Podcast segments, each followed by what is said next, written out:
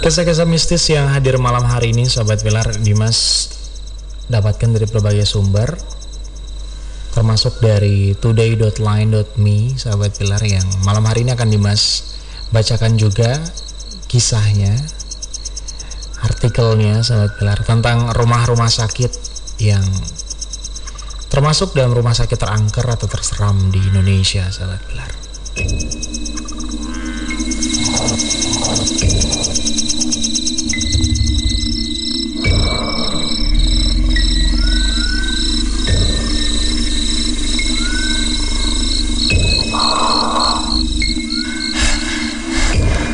horor malam hari ini sahabat pilar datang dari sebuah rumah sakit yang berada di Jakarta Pusat. Rumah sakit Dr. Cipto Mangunkusumo atau RSCM sahabat pilar di Jakarta ya. Rumah sakit ini sendiri pertama kali diresmikan dibuka uh, pada tahun 1919. Sudah sangat tua dan nyatanya hal itu selaras dengan sangat banyaknya pengalaman mistis di tempat ini. Salah satunya berasal dari seorang mahasiswa yang namanya Romli, sahabat.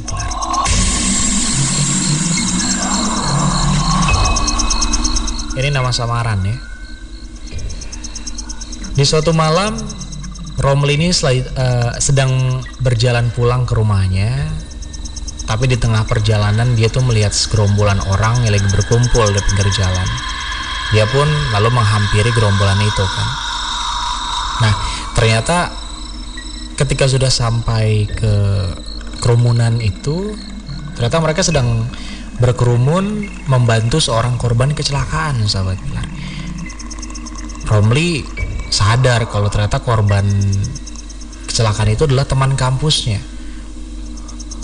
Romli kenal korban kecelakaan itu. Akhirnya dengan bergegas dia tuh langsung nolong temennya itu terus ngebawa dia ke rumah sakit terdekat dengan bantuan warga sekitar. Nah kebetulan rumah sakit paling dekat dengan lokasi kejadian adalah RSCM. Jadi ya Romli membawa temannya itu untuk berobat ke rumah sakit itu. Sesampai di rumah sakit, teman Romli langsung dapetin perawatan intensif. Romli juga mencoba untuk menghubungi kedua orang tua temannya itu, tapi ternyata kedua orang tuanya lagi ada di luar kota dan baru bisa datang ke rumah sakit di esok harinya. Akhirnya Romli dimintai tolong sama kedua orang tuanya, tolong jagain ya katanya supaya eh, ya nggak sendirian dan juga orang tuanya bisa bergegas ke sana dan insya Allah paginya baru sampai ke rumah sakit. Akhirnya ya udah mau nggak mau Romli juga mengiyakan dong karena kasihan juga kan ditinggal sendirian.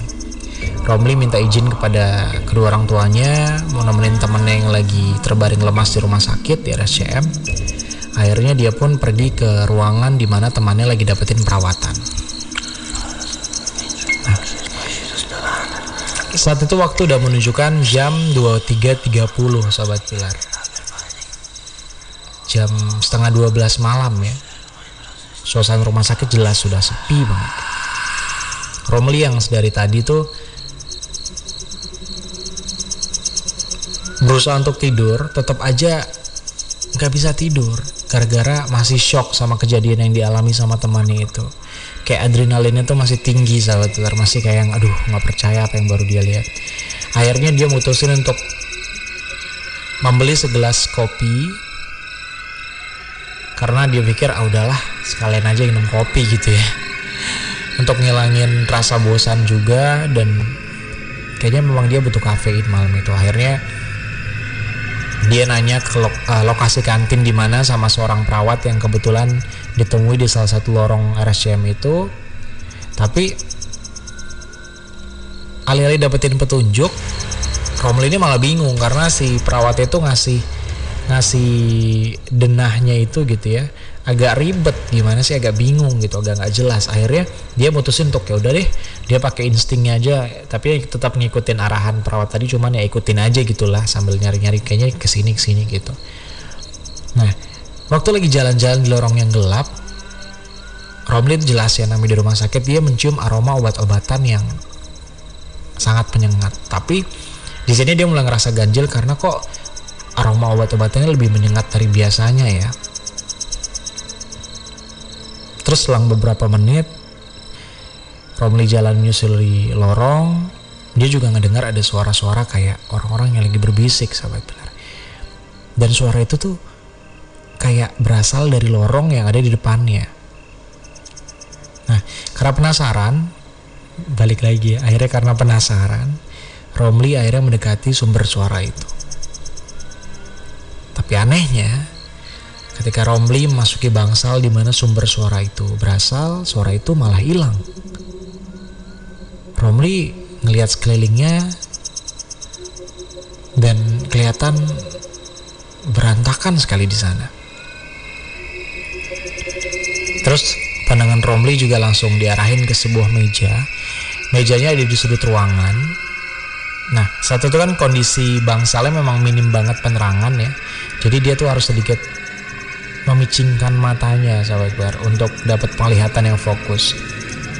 Nah, setelah berusaha untuk melihat dengan jelas, dia kaget setengah mati. Karena dia ngelihat ada sepotong kepala wanita yang tergeletak sahabat pilar di atas meja itu.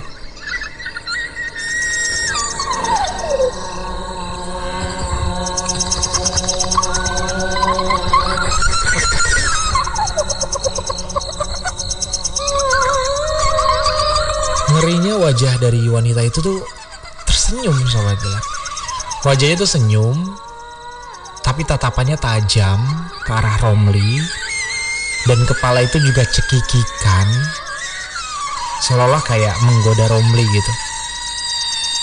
Ya langsung dong Romli kaget lemes juga sama apa yang baru aja dilihat. Dia langsung bergegas keluar dari ruangan itu. Tapi baru aja sampai di depan bangsal dia dia jatuh. Lantaran tersandung sesuatu. Dan setelah Romli cari tahu apa yang membuat dia tersandung, ternyata dia malah makin ketakutan karena yang membuat dia tersandung adalah tubuh seorang pria yang gak punya kaki dan juga tangan, sahabat pilar. Dan ngerinya lagi pria itu tuh menatap Romli dengan tatapan kosong tanpa ekspresi, kayak seolah-olah nggak ada apa-apa Romli akhirnya langsung bangun, lari ninggalin bangsal sampai akhirnya dia nabrak satpam yang lagi tugas malam itu. Dan satpam itu sebenarnya sempat kaget ngelihat kondisi Romli wajahnya kok pucat banget, gemetar ketakutan. Akhirnya dibawa ke di dibawa sama satpam itu ke posnya untuk ditenangin, dikasih minum. Romli lalu menceritakan kejadian yang barusan dialami dan satpamnya mengiyakan kalau ruangan itu tuh sebenarnya bekas instalasi bedah umum dan sudah lama tidak digunakan. Dan satpam itu juga menceritakan bahwa tempat itu memang angker banget dan cukup sering memunculkan penampakan hantu berupa potongan tubuh manusia. Akhirnya karena saking takutnya, Romli minta untuk diantar ke ruang ICU tempat temannya dirawat dan sampai di ruang ICU Romli nggak pernah ninggalin ruangan itu sampai pagi karena saking takutnya sahabat benar.